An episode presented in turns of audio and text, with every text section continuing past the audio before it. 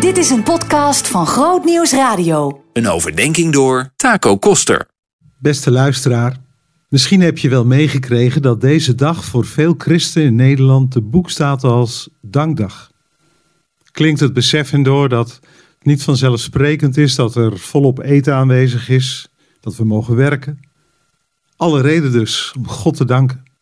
En ja, ik realiseer me dat deze woorden in jouw leven ook anders kunnen klinken.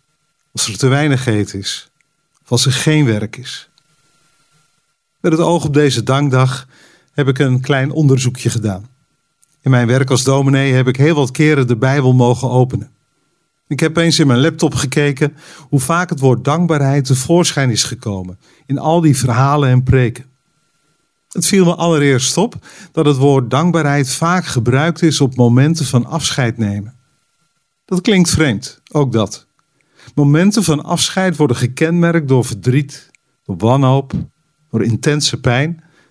Maar blijkbaar zijn het ook momenten geweest waarop dankbaarheid onder woorden is gebracht. Warme en waardevolle herinneringen gedeeld zijn.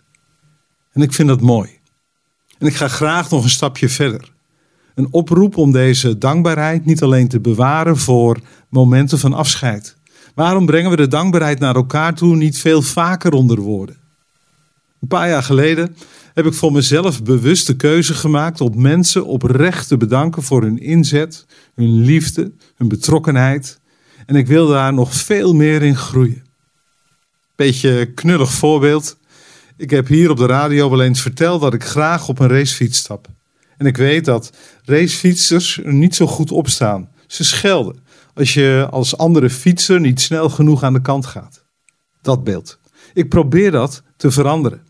Iedere keer als ik iemand passeer, spreek ik een goed te horen dankjewel uit. Dankjewel dat je ruimte hebt gemaakt. Natuurlijk verander ik daar de wereldproblemen niet mee. Maar het hoort voor mij bij die cultuur van dankbaarheid waarin ik wil groeien. De Bijbel wordt trouwens ook volop over dankbaarheid gesproken. Ik pak er één tekst bij. Wees altijd verheugd, bid onophoudelijk, dank God onder alle omstandigheden. Je vindt deze Bijbeltekst in het tweede deel van de Bijbel. 1 Thessalonicense 5, vers 16, 17 en 18. Vreugde, gebed en dus ook dankbaarheid. Dank God onder alle omstandigheden. Je merkt zelfs dat het een opdracht is. Keuze om God te danken. Twee opvallende zaken klinken er voor mij in door. Let er allereerst op dat er niet gesproken wordt over het danken voor alle omstandigheden. Je hoeft echt niet met alles blij te zijn. Er is ook volop ruimte voor verdriet en teleurstelling. Er wordt wel gesproken over het danken onder alle omstandigheden. Ondanks de lelijke dingen die kunnen gebeuren, word je uitgedaagd om ook je dankbaarheid onder woorden te brengen. Het helpt om net even een ander perspectief te krijgen. En let er in de tweede plaats op dat dankbaarheid hier niet gekoppeld wordt aan allemaal mooie en fijne dingen. Als je gelukkig bent, heb je reden om dankbaar te zijn. Dat idee. Je kunt het volgens mij omdraaien. Dankbaarheid is niet het gevolg van geluk, maar geluk is het gevolg van dankbaarheid. Dankbaarheid als een keuze van geloof en hoop, met focus op God. Dank God onder alle omstandigheden. Straks vertel ik er graag nog iets meer over. En ik geef je nu alvast een opdracht mee. Benoem vandaag bewust een aantal dankpunten.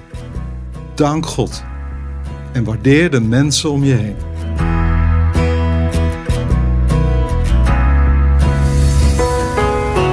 Meer verdieping? grootnieuwsradio.nl slash podcast